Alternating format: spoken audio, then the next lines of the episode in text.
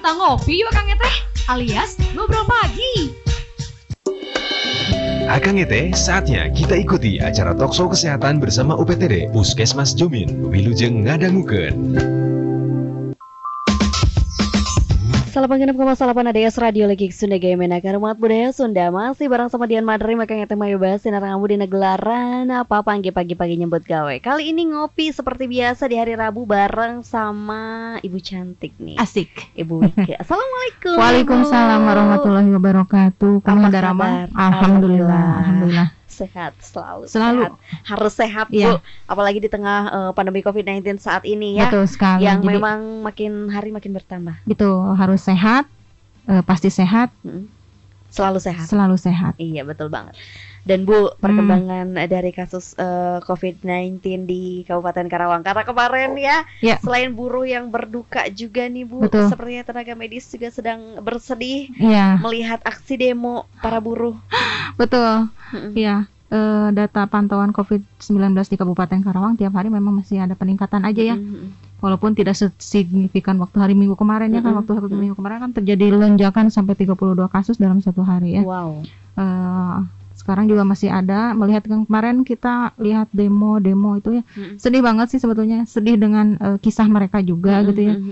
Eh, terus banyak juga yang melaksanakan demo-demo gitu dengan tidak memperhatikan protokol kesehatan Betul. gitu ya Eh, ya bagaimana lagi gitu ya silahkan untuk berdemo tapi dengan protokol kesehatan kan lebih asik gitu ya Mm-mm. Apalagi Ya. kemarin pas rusuh itu. betul ha, jangan sampai eh, ada duka gitu ya Mm-mm. ditambah lagi dengan gangguan kesehatan itu kan lebih Mm. memperparah gitu ya Iya iya Mm-mm. betul sekali. Dan seperti apa nih Bu tanggapan dari eh, tim medis untuk mengenai hal ini?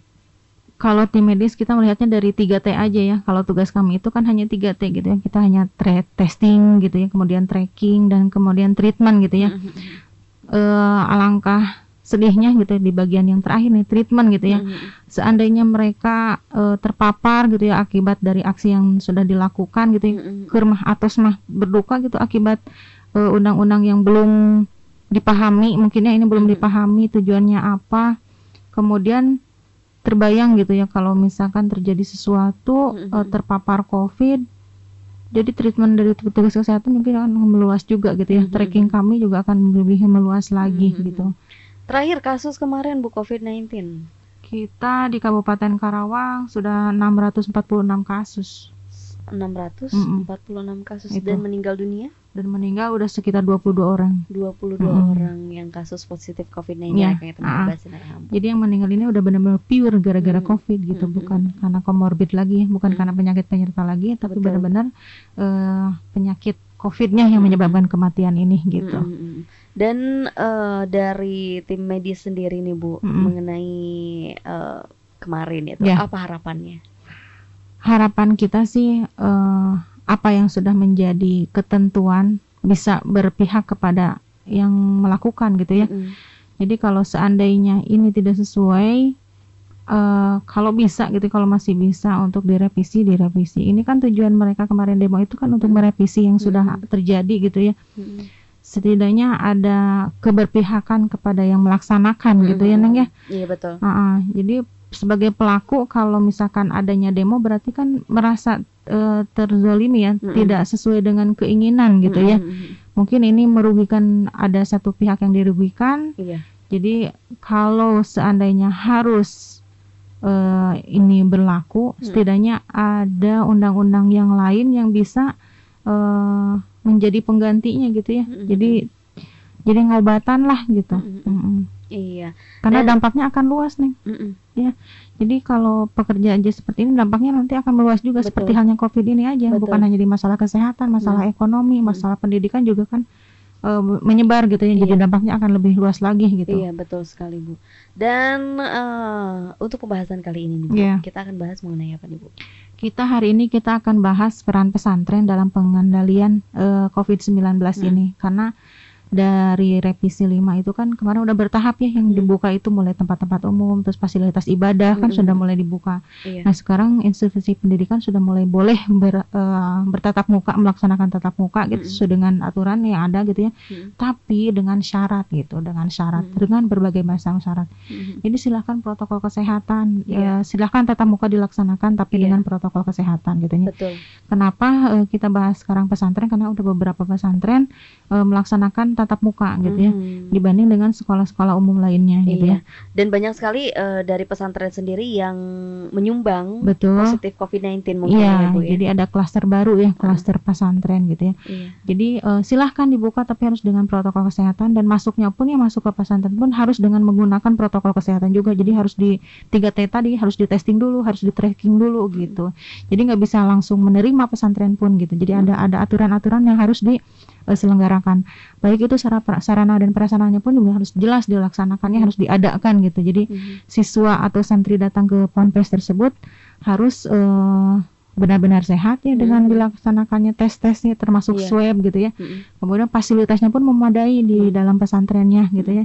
Dari mulai sarana cuci tangannya, terus nanti jaga jaraknya juga harus diatur, kemudian setiap kegiatan harus menggunakan masker, Mhm. bahkan berimbas kepada pada eh, kegiatan belajar mengajar ataupun kegiatan eh, sampai ke pokoknya dari bangun tidur sampai eh, tidur kembali itu ada eh, ketentuan yang harus dilaksanakan ya Mhm. kan kalau pesantren itu satu kamar misalkan 21 orang. Nah, Betul. kan dengan protokol kesehatan ini berarti kan satu kamar tidak boleh 21 orang ya Betul. harus 50 persennya. Berarti Mm-mm. misalkan 10 orang. Nah, yang 10 orang ini harus di mana gitu. Mhm. Nah, ini harus dipersiapkan sama pesantren gitu. Mhm. Jadi harus juga mematuhi protokol kesehatan ya. Bu? Betul. Iya, dan nanti bakal dibahas selanjutnya kayak kita bahas secara rambut tetap setia terus bersama Dian Madrim dan juga Puskesmas Jomin. Kita masih membahas mengenai peran pesantren dalam uh, pencegahan dan juga pengendalian COVID-19. Iya, Nah, betul sekali. Iya, ini tujuannya sebenarnya seperti apa, Bu? Sebelum kita ke tujuannya kita eh, ketahui dulu ya kalau Mm-mm. pondok pesantren itu kan lembaga pendidikan keagamaan Islam ya. Betul. yang diselenggarakan oleh masyarakat dan yang menyelenggarakannya pun suatu pendidikan pesantren terpadu itu kan milik benar-benar milik swasta gitu ya. Mm-mm. Jadi belum ada pesantren yang em, milik pemerintah ataupun Mm. negeri gitu. Jadi Iya. di, eh, oleh masyarakat, dikelola oleh masyarakat dan untuk masyarakat ini pesantren itu ya. Jadi eh, di situ ada ada ada apa namanya? Ada santri juga, ada Pak Kiai yang juga Pak apa? eh, ustadznya juga, Mm. kemudian ada pengelola asramanya juga Mm-mm. dan se- berbagai macam warga pesantren gitu ya. Mm. Jadi eh, pesantren itu kan merupakan tempat berkumpulnya anak-anak dalam satu lingkungan yang begitu besar ya dengan kerapatan kontak fisik yang tinggi ya Neng ya. Biasanya Mm. kan kalau di pesantren itu banyak gitu ya, banyak eh, santrinya. Kemudian anak pesantren merupakan bagian dari remaja yang jumlahnya cukup besar karena rata-rata kan eh, usia sekolah ya, usia sekolah yang ada di sini. Berkumpulnya sejumlah orang ini menjadi kemungkinan untuk terpaparnya COVID ini menjadi sangat luar biasa Mm. karena ada pertemuan, ada perkumpulan Betul. dalam satu eh, wadah gitu ya. Mm.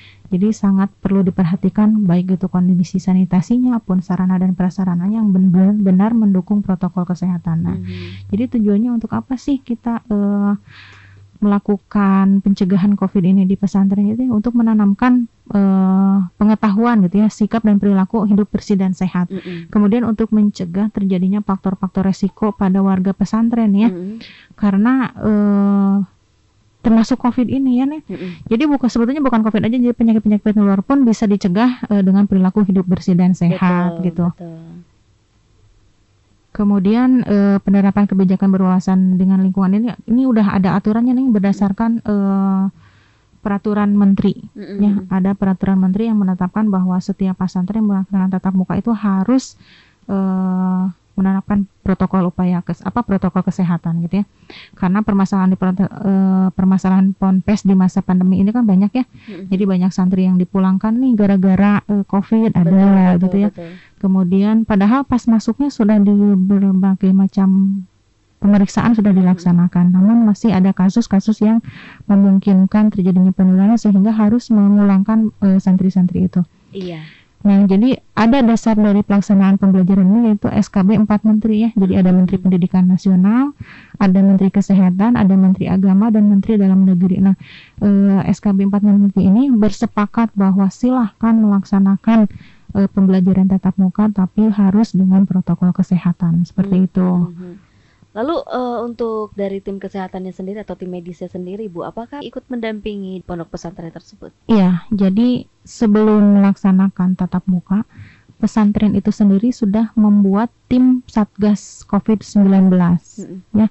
Jadi ada timnya khusus. Mhm. Jadi bukan hanya tim kesehatan. Jadi Hmm. Satgas itu yang yang terdiri dari siapa aja sih? Satgas itu satuan petugas eh, COVID ini bukan hanya petugas kesehatan, baik Hmm. itu dari lintas sektornya juga ada gitu ya. Jadi si pesantren itu harus membuat tim dulu nih, Iya. tim Satgasnya ini termasuk di dalamnya tim kesehatan. Jadi Iya. harus bahu membahu gitu. Mhm. Jadi eh, keterlibatan semua pihak dalam Hmm. penyelenggaraan ini. Nah, kalau sudah timnya dibentuk gitu ya, Mhm. Kemudian sarana prasarananya ada, Hmm. sudah dilengkapi, Mhm. baru melaksanakan gitu. Hmm, gitu. Aduh Bu, Cina, Ya. anak saya masih di pesantren, kumaha ieu ceritanya? Ya, eh, kalau sebagai orang tua gitu ya, Uh-uh. ada kegelisahan, ada kekhawatiran kan anaknya sedang di pesantren. Tapi Mm-mm. waktu masuk ini kan sudah diperhitungkan gitu ya, Mhm. dia dalam keadaan sehat dan sudah dilakukan tes gitu ya, Mhm. eh, termasuk tes swab gitu. Jangan khawatir.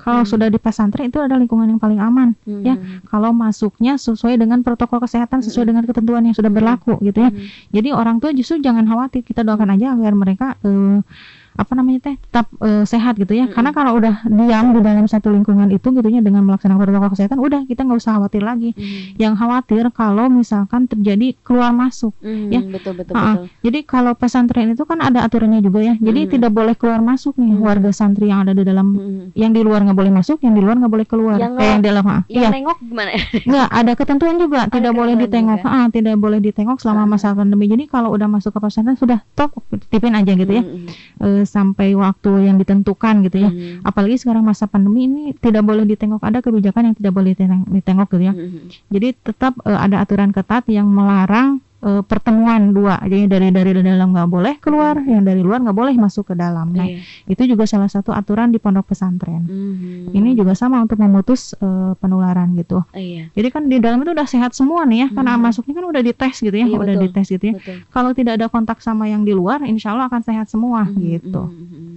Dan eh, bagaimana dengan yang ternyata yang di dalam pesantren itu sudah eh, apa namanya positif COVID-19, Iya. Bu? Tuh kan ya, ternyata waktu testingnya saja sudah dilakukan pemeriksaan begitu ketatnya, Heeh. ternyata masih juga ada yang lolos Positif, gitu, ya, ada yang betul. positif ya.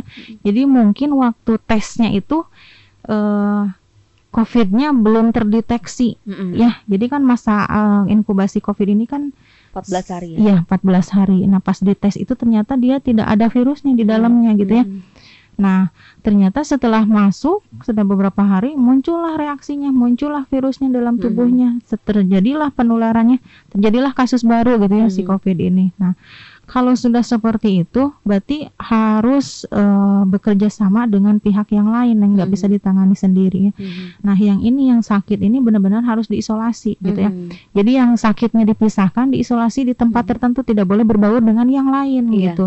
Yang lain, yang eh, santri yang lain tetap harus menjaga protokol kesehatan, harus tetap sehat gitu. Jadi Mhm. eh, langkah awalnya apa? Yaitu harus eh, mengisolasi dari yang sakit ini. Nah, yang Hmm. sakit ini kita diisolasi di tempat khusus ya, terpisah dari eh, teman-teman santri yang lainnya. Kemudian di tracking juga nih, yang sudah positif ini dilakukan tracking nih. Dia sebelumnya eh, udah berinteraksi dengan siapa saja Iya. dengan teman sekamarnya, dengan teman di kelasnya, dengan Mm-mm. gurunya siapa aja. Nah ini pun harus dilakukan tracking juga. Mm. Nah, nah yang teman-temannya ini, yang teman yang positif ini ya, Mhm. yang tadi dilakukan namanya kontak erat. Nah Mm. ini harus isolasi mandiri 14 hari. Mhm. Sama nih yang kontak erat pun tidak boleh eh, berinteraksi dengan teman-teman yang lain yang sehat Oh, gitu. iya. Jadi setiap pesantren itu harus menyiapkan ruang sendiri. Betul sekali harus menyiapkan kalau terjadi kasus seperti itu ya. Mhm. Tapi ada beberapa kebijakan yang eh, yang sakitnya diambil nih keluar pesantren. Misalkan Mhm. disimpan di rumah sakit mana gitu ya. Mhm. Ataupun sama pemerintah daerahnya disiapkan eh, tempat isolasi tersendiri ada juga yang seperti itu Iya. ya. Jadi benar-benar tidak boleh bergaul dengan eh, yang lainnya Mhm. gitu. Apa aja yang menjadi faktor risikonya gitu ya. Kalau yang di luar mah kan udah jelas ya di luar pesantren mah kan ada eh, kalau kita keluar gitu kalau keluar dari pesantren kan bisa eh, ke tempat-tempat umum seperti eh, minimarket kayak gitu ya itu juga menjadi faktor resiko. Kemudian eh, yang menjadi utamanya adalah perilaku ya, perilaku tidak eh, protokol kesehatan, Hmm. tidak memakai masker, tidak jaga jarak, Hmm. kemudian tidak cuci tangan pakai sabun Hmm. eh, dan personal hygiene-nya yang kurang bagus gitu ya. Hmm. Karena mungkin biasanya kalau anak-anak pesantren itu Iya. pada malas gitu bu. Peraturan ada untuk dilanggar. ya, ya memang seperti itu. Tapi kan eh, sekarang pada zaman sekarang ini pada masa pandemi ini eh, yang memperberat faktor risiko itu yaitu justru itu perilaku itu gitu ya. Kalau sebelumnya tidak memakai masker, sekarang wajib memakai masker gitu ya. Jadi eh, muhadaro ataupun mendengar pengajian ataupun sholat berjamaah tetap harus menggunakan masker, tetap dengan jaga jarak. Mungkin eh, itu yang menjadi keberatan. Tapi insya Allah perilaku ini kan bertahap ya, namanya juga baru gitu ya. Nanti Mhm. kalau diikutin mah akan menjadi suatu kebiasaan. Mhm. Kemudian faktor risiko selanjutnya adalah lingkungan, di mana kamar yang ukurannya 3 kali 2 meter ya untuk kapasitas 20 atau 21 orang. Jadi kamarnya kecil dengan eh, penghuninya yang banyak ya dengan ranjang yang tingkat itu biasanya eh, dua Iya. dua tingkat seperti itu. Nah, Hmm. ini juga menjadi faktor risiko. Jadi faktor yang eh, perlu penanganan juga gitu ya Mhm. bagaimana caranya. Mhm. Tapi kadang-kadang suka ada, ada juga sih bu yang Ya. pakai kasur bawah lantai pada dempet-dempet gitu pada kan. dempet-dempet mohon leras tapi kan eh, dengan pendempet-dempet itu tetap aja ya jadi hanya ruangan yang kecil tapi penghuninya banyak nah Betul. ini ah setiap pesantren seperti itu Mhm. kemudian kurangnya pencahayaan dan sirkulasi udara yang kurang Mhm. nah neng ini juga eh, sangat penting ya sirkulasi udara dan pencahayaan ini karena Betul.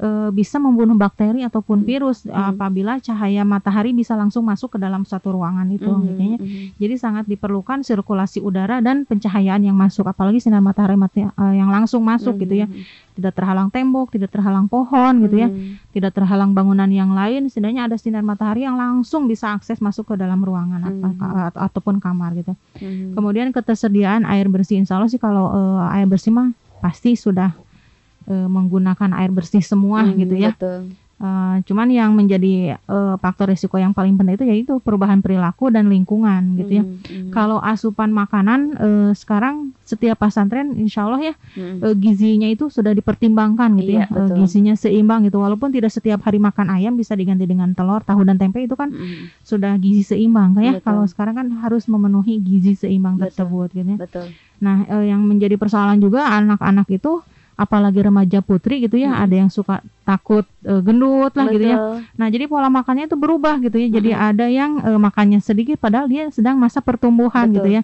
Sedang masa eh, mempertinggi eh, kadang apa hmm, untuk perkembangan otaknya, untuk perkembangan tubuhnya gitu ya. Karena remaja putri itu eh, apa pemikirannya gitu pengen langsing, Betul. pengen tetap kurus gitu Mm-mm. ya.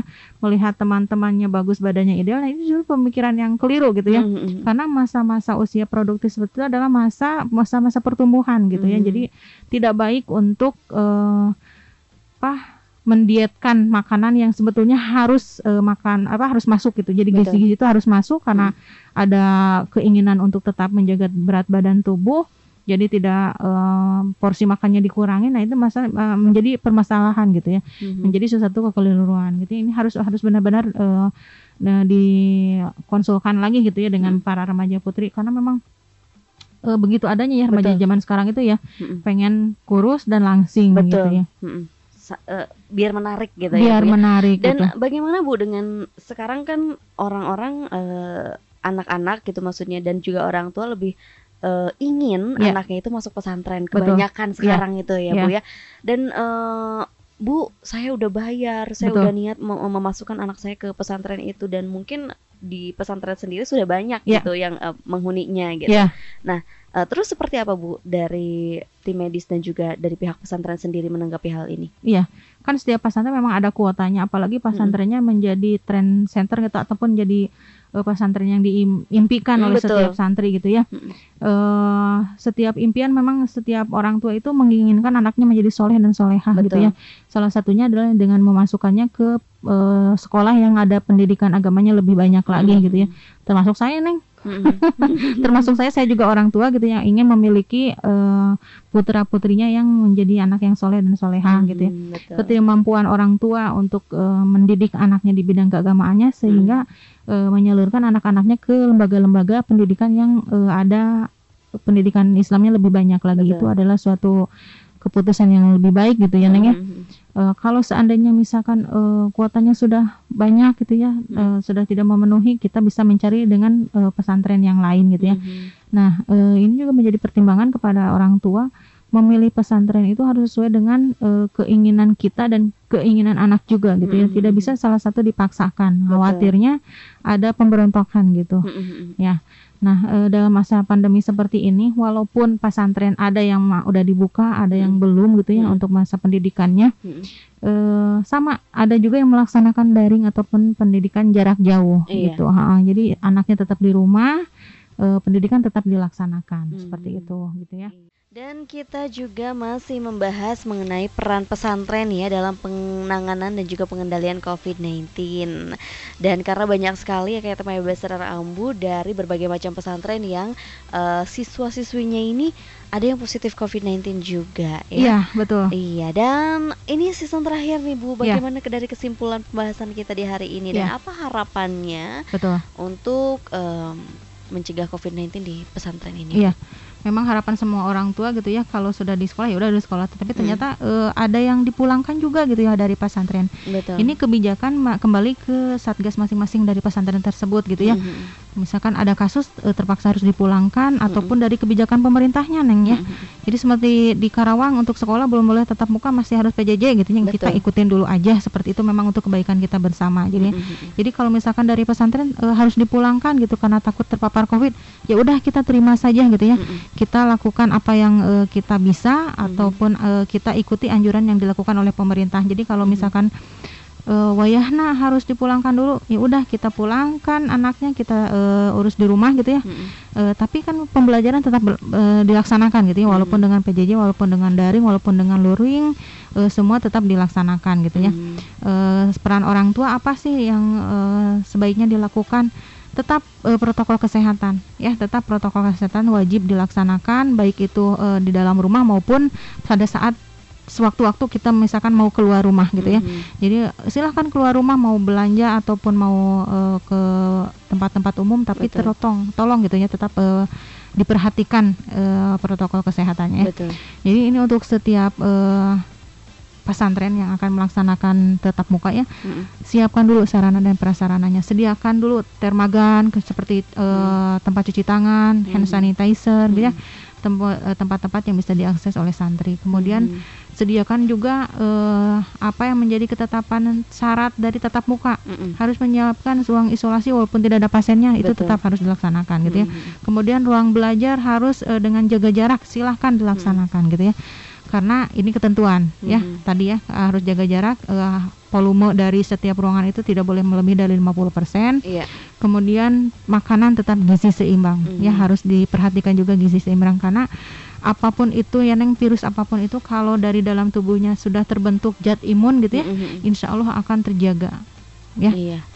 Iya dan mungkin apa pesan-pesan lagi Bu kepada para pendengar setia ADS Radio yang mungkin anaknya ada di de- eh, masuk di lingkungan pesantren. Iya, untuk putra putrinya yang sedang di lingkungan pesantren, eh, tetap titip ikhlasnya, neng ya, Hmm. tetap ikhlaskan anaknya di pesantren eh, menimba ilmu untuk kepentingan dunia dan akhiratnya, ya, Mhm. yang diamanatkan tetap tetap tetap wajib eh, patuh protokol kesehatan, baik itu di dalam pesantren maupun di lingkungan rumah, gitu aja. Mhm. Jadi tetap ya, akang eteh perhatikan protokol kesehatan, eh, tetap memakai masker, menjaga jarak dan cuci tangan itu menjadi hal suatu yang wajib untuk saat ini Mhm. apalagi dalam masa pandemi ini selama eh, vaksin belum bisa didistribusikan ke setiap eh, warga yang ada Betul. di Indonesia ini gitu. Betul sekali. Karena masih dalam tahapan tiga ya Bu ya. Iya, masih tahap 3 Iya. sampai bulan Desember yang akan Mhm. datang. Ya dan apa harapan eh, dari Ibu dan juga tim kesehatan untuk keikutsertaan dari pihak pesantren sendiri nih Bu? Patuh sih ya. eh, apa ya keinginan kami petugas kesehatan adalah agar semua pesantren yang melaksanakan tatap muka patuh terhadap ketentuan yang sudah ditandatangani bersama ya antara pihak pesantren maupun satgas eh, COVID-nya tetap eh, patuhi aturan yang sudah di eh, di apa disusun bersama Betul. sudah ditandatangani bersama ikuti arahannya insya Allah akan selamat dua-duanya gitu ya Iya, amin. Dan Amin. terima kasih untuk Bu Wike yang sudah datang kepada pekan siaran ADS Radio kita Tetap sehat ya, membahas Neng. Amin dan Ibu juga ya tetap Iya, semangat menjalani semangat. aktivitas dan tetap sehat selalu, sukses selalu ya Bu ya. Amin. Selamat menjalankan aktivitas kembali Terima Bu. kasih. Assalamualaikum. Waalaikumsalam warahmatullahi wabarakatuh.